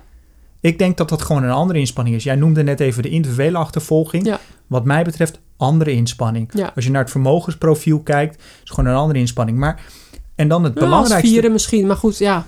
Dat, dat zullen we niet weten, ja. Dat is wel een voordeel dat ze nu met vier rijden. Ja. Ja. Ja. Eh, want dan kan je met die schema's, dan kan je een aantal twee snelle vrouwen vooraan Precies. zetten. En dan kan je met die schema's, kan je wat, eh, goed Ja. punt. Goed, zeker goed punt. Hè? Mhm. Stel je voor, je zet een van Vleuten op vier. En je Precies. zorgt gewoon dat er na anderhalf kilometer pas op kop komt. En je laat er dan eh, naar huis rijden. Dan kom je bij wijze van nog ver. Ja. Dus dat zou natuurlijk ook super gaaf zijn om te zien. Maar Ja. dan wil ik naar het belangrijkste punt komen.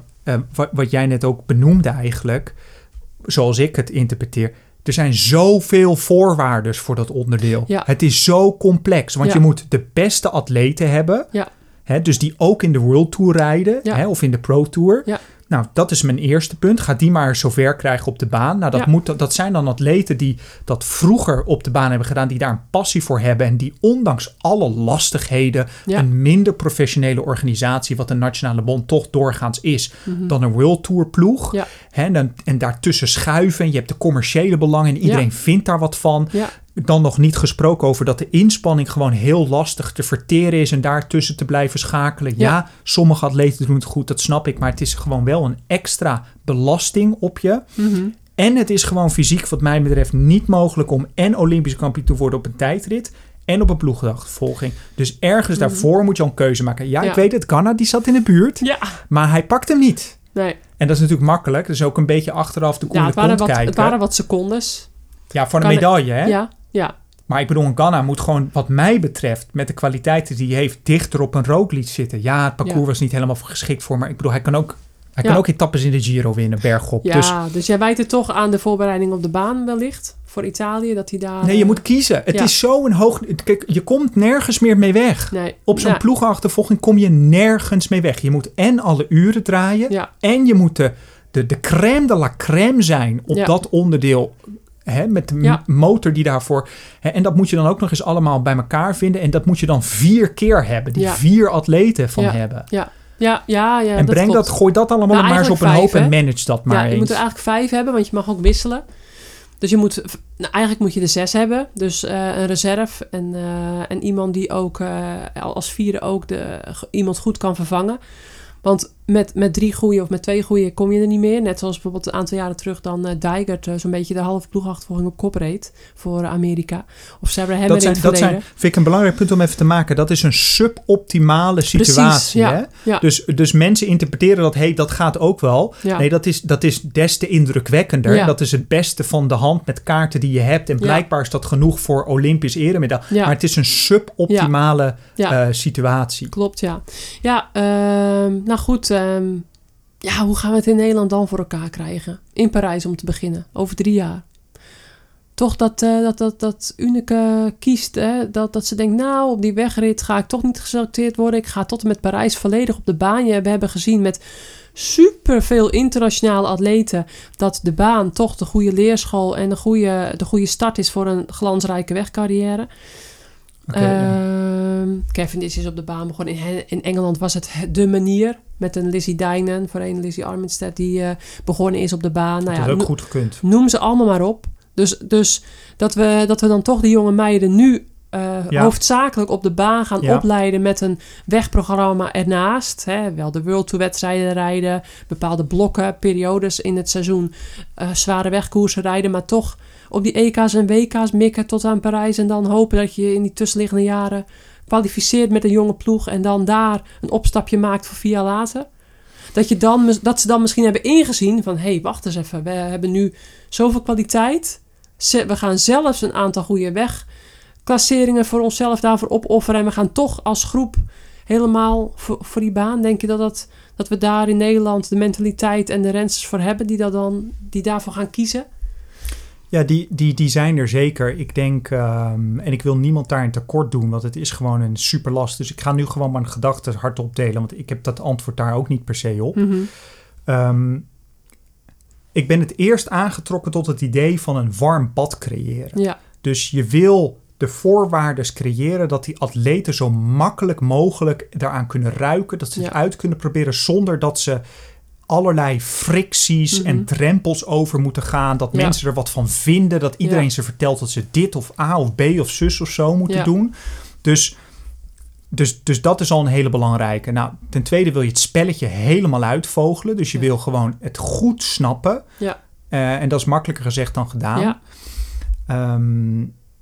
hè, dus dat zijn, dat zijn eventjes hele belangrijke voorwaarden. Maar ook de beleving dat, je, dat er dus goud te halen valt. Dat is er natuurlijk ook eentje. Hè? Want Ja. als, je, als, je, als je dan die, die, die rensters noemt... Kijk, ik vind Wiebes misschien nog een, het allermooiste voorbeeld. ja, Ja, die, die heeft wat mij betreft helemaal de kwaliteiten hiervoor. Ja. Nou, zij zou het ook nog op Omnium kunnen proberen. Ja, Maar ja. zeker een ploegachtervolging, nou, is voor in de wieg gelegd, Ja. bij wijze van. Ja. Dus als je, die zo, als je die om kunt krijgen, als je die kunt meegeven en goed... Kijk, ik zou ook eh, met alle ploegen gaan praten. Ja, Hè? ja. Dus, dus, eh, dus dat allemaal aan verbinden met elkaar en daar een soort van eh, een goede visie over hebben. ja. En dat dat, dat dat breed gedragen wordt. En niet dat. Kijk, iemand kan wel een mooie visie hebben, maar als dat conflicteert met een andere visie, dan heb je nog altijd een beetje die. Dat box nog Ja. altijd, weet Ja. je wel. Ja. Eh, dus dat, die, la, die negatieve lading wil je ervan afnemen. Ja. Nou, en het begint dan denk ik bij, bij één vuurtje. ja. Hè, dus nogmaals, eh, dan lijkt het net of wat er nu gebeurt niet goed is. Misschien, het kan zomaar zijn dat dit ook gewoon al genoeg is. Hè? Ja, dat, ja, je. Dat, je, dat je dus die talenten creëert als het ware. Hè? Daar valt ook veel voor te zeggen. Dus pik ze dan op bij wijze van bij de nieuwelingen. Eh, en blijf ermee doorbouwen. En misschien doen we dat wel helemaal juist. Alleen, ik ga nu iets scherps zeggen. En het, het is... Het is ehm, dat is echt een lastig element. Het Mhm. heeft weinig zin om met C- en B-talenten Ja. Door te gaan. Vroeger Mhm. kon dat wel. Kijk, ik heb ook nog best wel ploegachtervolging geschreven. Maar Ja. ik, ik durf schromelijk toe te geven. het was helemaal niet... Het was, sowieso was ik als renner te licht daarvoor. eh, in de zin van, ik was gewoon niet goed genoeg. Maar ook mijn specificaties. Ik, ik was daar gewoon niet... Dat was niet mijn onderdeel, zullen we maar Mhm. zeggen. Daar had ik niet voor wat er nodig was. Dus je Ja. kan wel... Kijk, en ik had dan een goede mindset. En ik kon nog best ver komen. Omdat ik, omdat ik snel snapte wat er voor nodig was. En daar wel voor zorgde. Ja. Hè, maar, maar je gaat daar nooit mee. Je gaat daar nooit meer mee op de, eh, de top bereiken. Nee. nee, maar goed. ehm, Dus ik had dezelfde keuze gemaakt als Oranje ja. eh, in 2012. Ja. Ja. Ja, dan heb je een punt. Eh, alleen, ehm, Hoe zou jij het doen? nou, nou, zoals ik net zei, denk ik dat je ehm, eh, de jonge meiden moet je hè, een borst voorhouden, een gouden medaille in dit geval. Die moet je laten ge- geloven van, joh, meiden, hè, ehm, op de weg is de kans super klein dat het gaat lukken om Olympische selectie überhaupt in Nederland. Hè. Dat doen ieder, iedere keer zijn er zo'n beetje acht rensters met de illusie die denken dat ze kunnen starten. Maar dan gaan er maar vier heen, waarvan er dan tweede tijdrit rijden. Dus dan vallen er ook soms nog hele goede wegrensters eh, buiten de boot die alleen voor de wegrit alleen al gewoon ja, echt bij de absolute wereldtop horen. Dus laten inzien dat als ze een Olympische droom hebben, ehm, dat dat op de baan met elkaar, met hard werken, met specifiek trainen met eh, echt eh, ja, een, een, een traject, een project met elkaar aangaan op het gebied van aerodynamica. Er is wel een zak geld voor nodig, hè? Even Ja. tussen neus en lippen door. Goed Klein gezegd. detail. Ja. Dat zie je natuurlijk ook gewoon gebeuren in Australië met het programma en, en in Amerika. Nou, de Amerikanen die zijn er dag en nacht mee bezig. Ehm Het zijn wel Great allemaal, Britain niet te vergeten. als ik even nu denk, de landen die jij opnoemt, dat zijn allemaal eigenlijk niet de vrouwen die dominant zijn in het World Tour circuit op de weg. En waar de Ehm. meeste prijzen te verdelen zijn. Ik bedoel, kijk naar Groot-Brittannië. Nou ja, goed. Hebben- Katie Archibald en al dat soort Ja. supersterke rensters. Ja. Maar ze doen niet mee. Ze zijn amper op tv Nee. op wegwedstrijden. Nee, dat klopt. Dus nee, maar dat is een hele interessante om te bedenken. Want dan blijkt, jij hebt het over die worst. Nou, daar, daar, daar denken wij hetzelfde over. Ik noemde het, ik had net een beetje hetzelfde eh, bewoordingen. Maar die, die, die, die, ehm, er zijn allerlei prijzen te zien en om zich heen. En, Ja. om, en die programma's hier zijn gewoon heel sterk. Ja. In Nederland en België, maar ook in Europa. Ja. Om voor zo'n wegcarrière te gaan. Dus je wordt daarin gezogen. En er zitten mensen in die zeggen... jij kan wel wat hier en ik zal dat helpen. Die infrastructuur is er. En bij die andere landen is dat niet. Dus zit Nee. je afgezonderd, soms wel met een oceaan ertussen. En dan heb je maar één keuze. En dat is in het nationale programma meestal. En dan ga, je naar, dan ga je als uitvalsbasis naar Italië. En dan ga je criteriums rijden in Nederland. En zo komt het dan tot stand. En dan heb je een beetje wat jij zegt. Dan maak je er een project van, Ja. weet je wel. Ik vraag me af, misschien is dat wel de enige manier. Ja, nou, en waarom gaan ze niet naar de roeibond? En gaan ze een keer eh, bij de bosbaan en gaan ze een keer eh, vragen van... joh, Superleuk idee. eh, en, en we hebben een, een, een ex-baanwielrenner bij de roeiers, hè? Ja, ja, precies ja. Ehm, onze meneer Bastiaans, die ook heel lang bij de baanselectie natuurlijk actief is geweest op het gebied van aerodynamica onder andere en de, en de, de trainingsschema's. Maar ehm, ja, ik denk als je in andere sporten gaat kijken, ga eens eh, voor een starter, bij wijze van spreken, kijken ook bij de BMX. En dan, dan is er misschien een, een talentvolle BMX'er die Waar, waarvoor BMX misschien te kort en te explosief is, maar misschien een ploegenachtervolging wel in het straatje hè, van de lichamelijke eh, abiliteiten ligt. Dus, dus eh, ik noem maar wat, BMX, schaatsen natuurlijk, niet te Volgens mij is, vergeten. eh, schaatsen. Schanspringen ook een wel. niet. Jeetje mina, hey, maar dan ga je de verzuring in, hè? En je, je doet er lacherig Ik- ik- over. Ja, nee, nee, nee, helemaal maar, niet. Maar Roglic, die, die is mijn partijtje vaak in de verzuring ge- geweest met het schanspringen. Toch? Ik heb, Om ik in die hoek te blijven. Volgens mij is het idee. fietsen gewoon een, een peanuts bij wat je daar moet kunnen. Volgens mij wordt het onderschat. Ehm, ja, nou, ga, in ieder geval kijken bij, bij sporten als, nou ja, wat ik net opnoem, schaatsen, BMX, eh, eh, roeien. En eh, we, we- we hey, kunnen we misschien m- beter nadenken, maar, maar, maar gewoon die interactie. Dus, nou, laten we... We, Laten we, hebben, we zijn wel een beetje arm, armchair crusaders hier. Maar volgens mij hebben we best wel leuke ideeën zo. Ja. Eventjes, eh, Ze kunnen ons Hè? inhuren, of niet? We zijn wel hele dure consultants, toch? Of niet? Of doen we het gratis? Gratis doen we het wel, hè? Natuurlijk. Ja, wij willen die ploegenachtervolging weer... eh, wij willen we kunnen juichen voor Nederland eh, in Parijs. Ja. Ehm, ik wil mijn, eh, mijn, mijn jong, kleine jongens dan ook inspireren en laten zien nou ja, wat mama vroeger gedaan Nee, maar heeft. je, je hebt helemaal gelijk. Het is zo'n mooi onderdeel. ja, dus, Ja. dus ja, ik vind het gewoon zonde. We hebben gerust wel de kwaliteit. We hebben, we hebben lange, sterke, jonge mensen die, die, met Olympische ambitie. Dus ja, laten we nu... ik, ben, ik ben geïnspireerd geraakt. ja, Hey, en Hey, nu maar, eh, maar laten we even nu verder gaan. want we kijken naar hebben- wat we hebben. Precies. We hebben eh, heel veel kwaliteit rondrijden momenteel. Eh, ze zijn nu zo'n beetje gearriveerd in Tokio. ehm, met medaillekansen op de onderdelen waar we wel allemaal staan. Namelijk de, de koppenkoers. laat, waar, waar wil je mee beginnen? Man of vrouwen? Maakt niet uit hè. Aan jou de heer. Ehm, laten we met, met de vrouwen beginnen. Vrouwen, vrouwen voor. Ehm, op de eerste plaats Kirsten Wild die haar derde Olympische Spelen doet na Londen en eh, Rio. Daar eh, nou, ja, op de ploegachtervolging zesde werd, op het Omnium zesde werd. In Rio nog een keer zesde werd op het Omnium.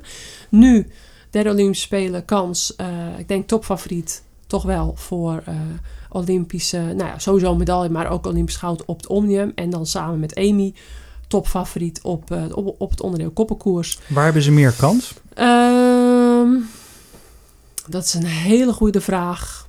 Ik denk ehm, evenveel. Evenveel op, op, op goud. Want het zijn natuurlijk de huidige wereldkampioenen op de koppenkoers. En, ehm, ja, en Kirsten is, eh, is de huidige wereldkampioen op de Omnium. Dus ze zijn gewoon torenhoog favoriet. Ehm, ja, het, het, ze hebben door de coronapandemie nog een jaar extra gehad om ja, nog veel meer aan die koppeltechniek te schaven. Maar goed, die was al goed, maar Voor hen, voor hen is dat een nadeel. een nadeel. Ik, ik zou ze nog steeds... Ik ga helemaal mee in jouw verhaal. Ze zijn nog steeds een topfavoriet. Ja. Maar Jonge zo meiden. goed als dat ze waren in Berlijn. Ja. Ja, er zijn er ik, misschien... had, ik had eh, liever het ijzer gesmeden ja. toen het heet was. Ja, tuurlijk. Maar er zijn, er zijn inderdaad misschien in de tussentijd jonge meiden nog weer een jaartje sterker geworden. Die kans is er. En, dat, leek ook helemaal, dat lijkt toch helemaal nergens op, Vera. Mag Ja. ik me even mijn frustratie kwijt? Als die Britten straks. Olympisch kampioen worden, nou dan... Ik weet niet of ik nog well composed blijf dan. En, kijk, wa- waarom?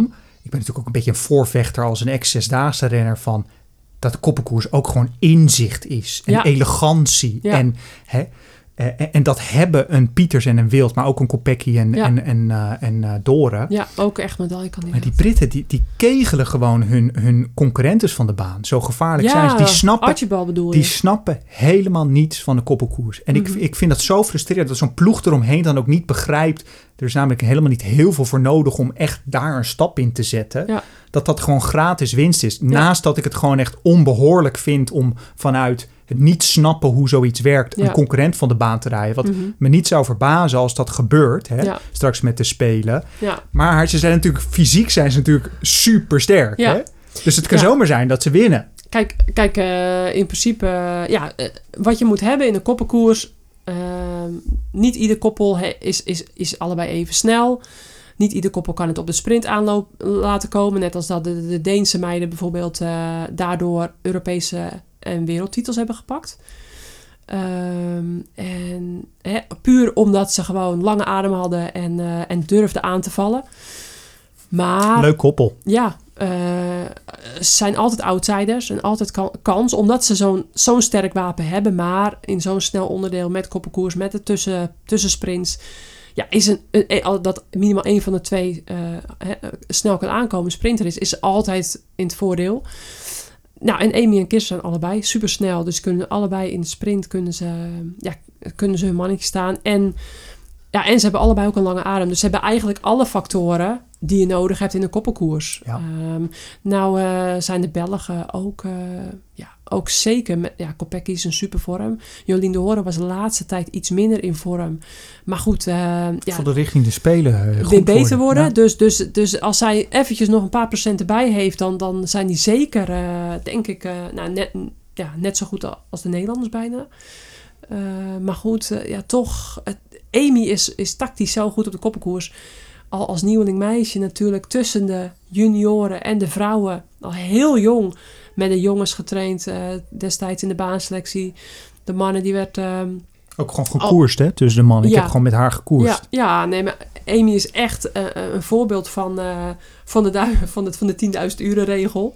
Die heeft het op de kop, koppenkoers denk ik al, eh, al ruimschoots eh, gehaald. En Je moet het ook een beetje hebben. ja, en, zij, zij heeft inzicht. het inzicht. Zij, eh, zij kan tijdens een, eh, een koers heel goed eh, ja, toch nadenken, tactisch nadenken en, en slim rijden. Ehm, Ik moet nog altijd denken bij Berlijn. Ik weet niet of jou dat nog bijstaat.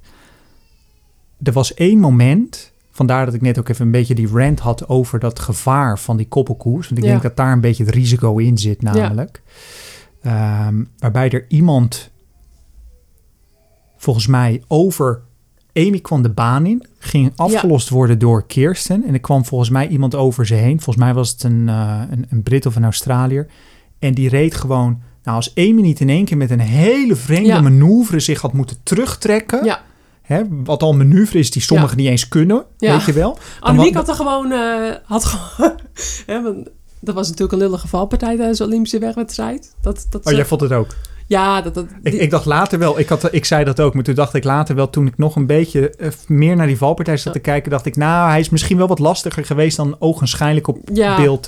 Nou, maar, ge- ja, maar ja, eh, dat, ja, om als voorbeeld snap te je pakken. punt, ja. ja. dus, dus je, Amy, die, inderdaad, wat je zegt, die, die, ehm, die heeft gewoon dat, dat inzicht en, en die kan, eh, ja, die, er moet wel echt eh, heel veel gebeuren, wil, wil je die van de fiets afrijden, want die is zo vliegensvlug en, en dat, dat, ja, die concentratie, die, ehm, die focus, dat, dat is in een koppenkoers essentieel.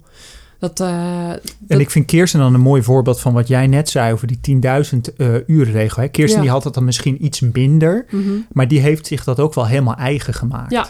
Ja, want toen ik met Kirsten begon te koppelen ehm, in 2008, dat we toen de zesdaagse in Amsterdam en Rotterdam eh, wonnen samen.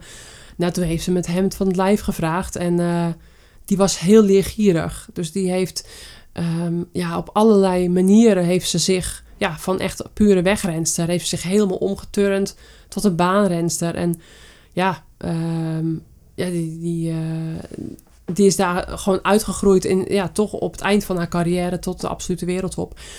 Eh, dus ja, ze zijn zeker ehm, ja, topfavoriet. Ehm, ik denk dat ze ook wel allebei de leeftijd en de ervaring hebben om daar goed mee om te gaan. Al zouden het nog eh jonkies zijn, zoals de Italianen een jonge ploeg hebben bijvoorbeeld. Nou ja, dan lijkt het me een lastigere situatie. Dus eigenlijk, ehm, ja, ja, niets, ja als, ze geen, als ze geen medaille halen, zal het een teleurstelling voor hun. Voor hen, zijn, ja. Ehm, en dan het Omnium met, eh, met Wild, die na twee zesde plekken en ja, hè, op de vorige spelen zeker eh, ook meer wil. En eh, ja, wie kan haar nog van het goud afhalen? Ehm, Nou, een heleboel.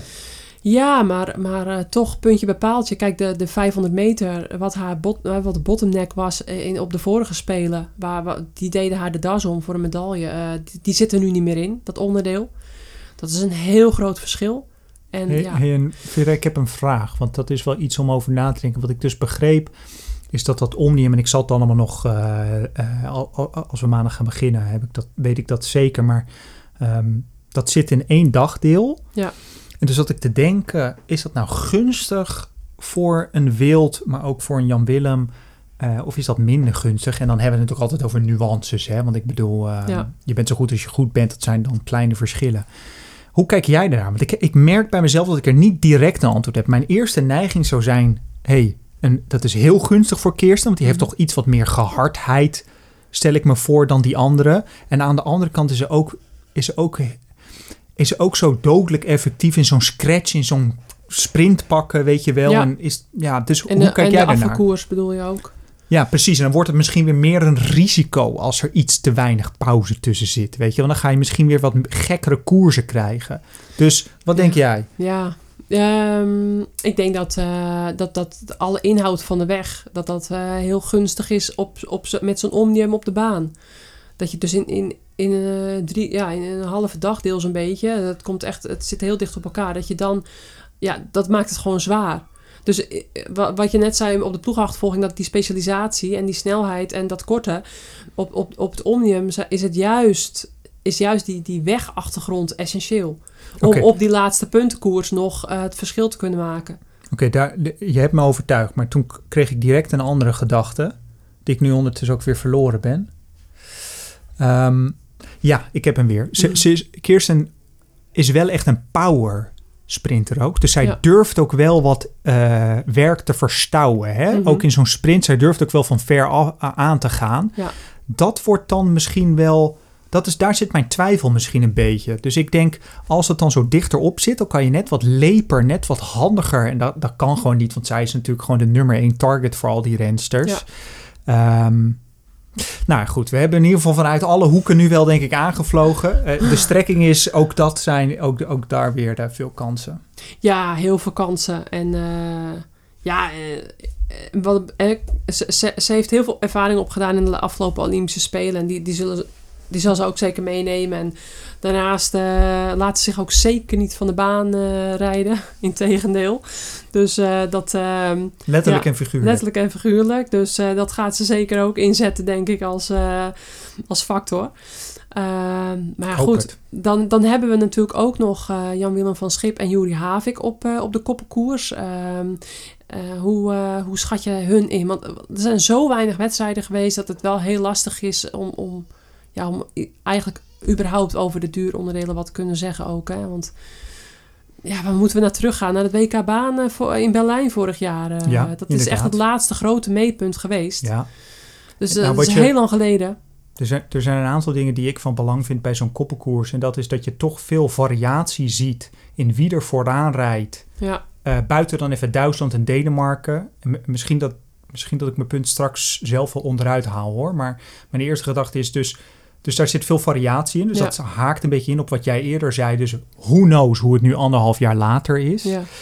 Ehm, ik denk dat het lastig wordt. Tegelijkertijd wil ik ook benoemen dat ik echt het super indrukwekkend vind hoe ver ze zijn gekomen. En ze absoluut kanshebbers zijn op de medaille. Maar de Ja. pool bij de koppelkoers is gewoon zo groot. Dat Ja. gooi daar nog eens toeval in hoe zo'n koers verloopt. Ja. Wordt dat gewoon ook, ook voor, ik zou hetzelfde zeggen, en- die zijn echt wel een grotere favoriet hoor. Een Kloeg Ja. en een Reinhardt bijvoorbeeld. Maar ook voor hen wordt het lastig. Ja. Gewoon omdat er als er een koppel vertrekt met twee die niet de absolute favorieten zijn, maar het zijn wel supersterke jongens, dan is er in één keer alleen nog maar brons bij wijze van te verdienen. Ja. Dat is niet helemaal waar, want op het moment die, met, die, met die rondes en die punten hebben ze natuurlijk veranderd. Mhm. Maar ik denk dat je snapt wat ik bedoel. Ehm, ja, zeker kans. Maar dat is wel een heel zwaar bevochten onderdeel gaat dat worden. Ja. Ja. Ja, je bedoelt met die ronde en die punten voor de me- eh, mensen die luisteren. Dat nu, als je een ronde voorsprong pakt, heb je alleen extra punten. Hè? Dus dan heb je 20 bonuspunten. Voorheen, als je een ronde voorsprong pakte, dan had je ook, en dan lag je gewoon echt voor. Dan had je de wedstrijd gewonnen als het daarbij bleef. Ehm, ik vind het wel jammer hoor. Ja, het maakt het voor de wedstrijd wel spannend natuurlijk. Maar Dat echt is het, hè? voor de. Ja, Als, als purist. ehm, ja, maar het klopt natuurlijk ergens niet. Dat je met een ronde voorsprong, dat je dan alsnog Nee, want je ligt gewoon dit- een ronde voor. ja, dus, dus ja, ik, ik vind het, ja, als, als, als baanwielerliefhebber vind ik het jammer dat die, eh, dat die regel toen veranderd is. Maar goed, eh, het is zoals het is.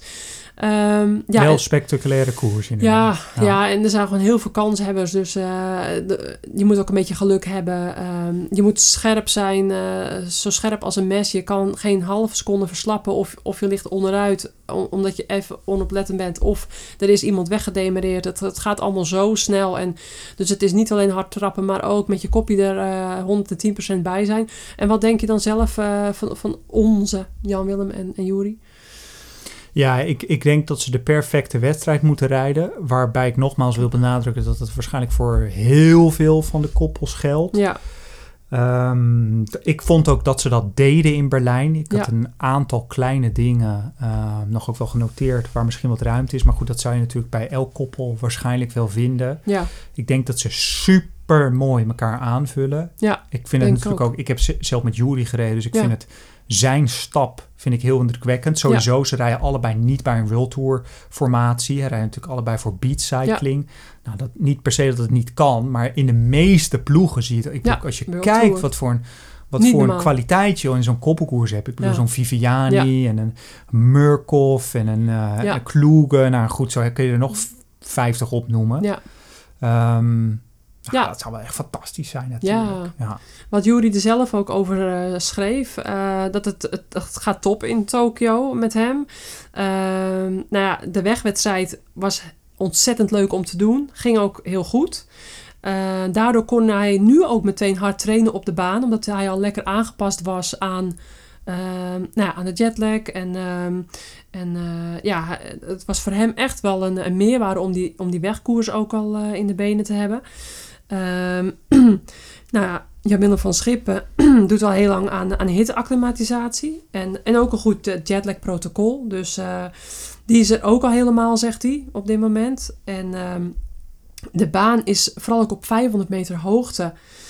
Ehm, en eh, ja, dat maakt de omstandigheden dus ook snel. Het is niet heel hoog, maar toch, het scheelt natuurlijk wel. De bochten zijn steil en daar houdt hij van. Eh, maar met korte bochten en lang recht stuk is het niet nou, per se per definitie sneller. Maar, maar hij houdt in ieder geval van die korte bochten. Ehm, nou ja, eh, Het is technisch wat la- lastiger. ja, ja. Eh, nou ja, goed. eh, het podium van het WK en dan plus Frankrijk en Spanje erbij en hu- hunzelf schat hij dus in als, eh, als eh, kandidaten voor een medaille. Medaille moet ik zeggen. Ik zal mezelf even in mijn eigen podcast corrigeren.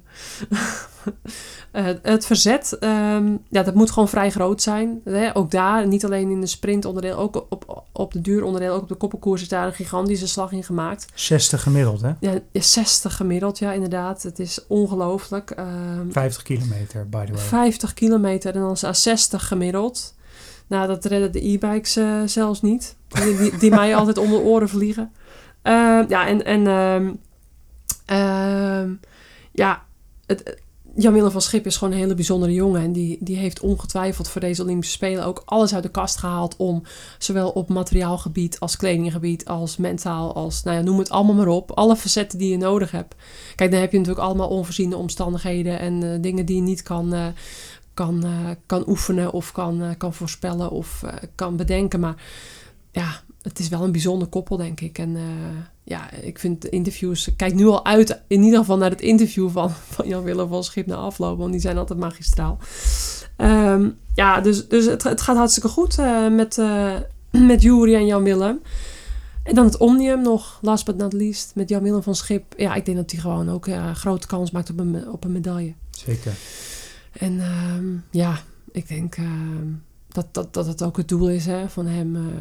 Ik, goud is ook wel heel erg lastig. Ook met een Viviani. En eh, ja, Murkoff zal ook het omnium rijden, denk ik, voor Denemarken. Ook een grote kans hebben, denk ik. Ehm, Lasse Norman Hansen. oh, Hansen natuurlijk. Ook al wereldkampioen geweest. De Olympisch Olymp- kampioen. Olympisch kampioen eh, van Rio. Smullen wordt het. Nou, hè? Ehm, Ja, dus... ehm, nou, we zijn En nog inmiddels... een, nog een laatste toevoeging van het duurkamp. Ik begreep Ja. ook van eh Adriaan Helmantel, Mhm. de bondscoach, eh, dat ook daar het eigenlijk allemaal heel soepel verlopen is. Ja. Heel ontspannen. Hij had het zelfs over hard herstellen, of eh, hard trainen Ja. en hard herstellen. Ja. Eh, dus nou ja, Ja, weet je, die meiden hebben natuurlijk ook heel veel met, de, met, de, met de mannen meegetraind.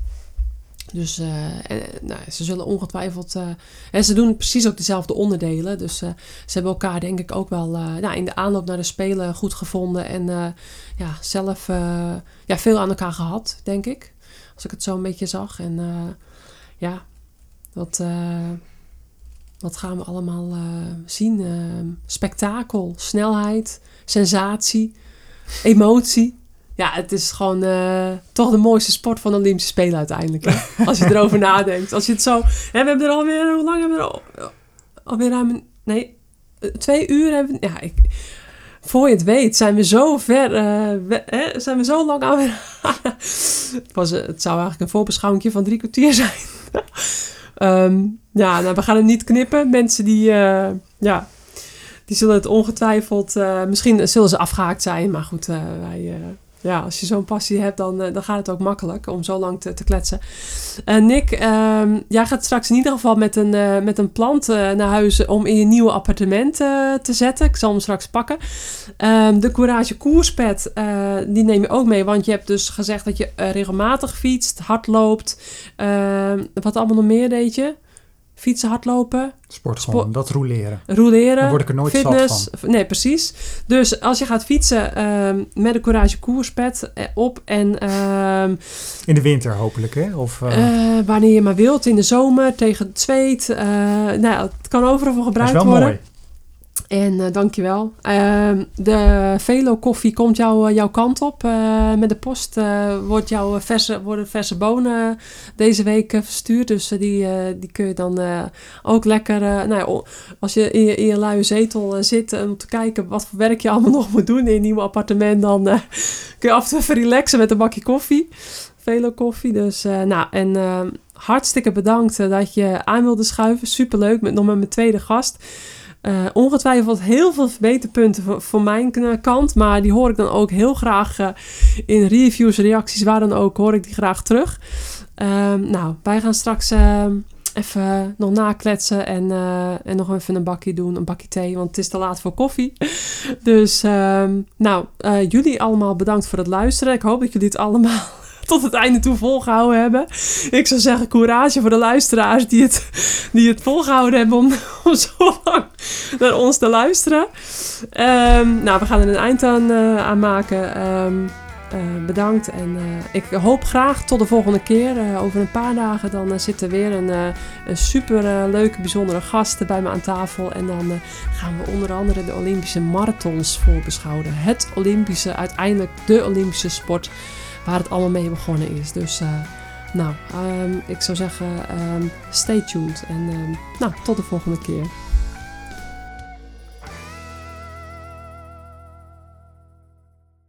Deze podcast is gemaakt door Vera Koedoder. Vind je dit een leuke podcast? Laat dan een review achter op Spotify of Apple Podcasts. Je hoort in deze podcast muziek van mij voorbij komen. Wil je er meer van horen? Check dan Marianne Lichtart op Spotify.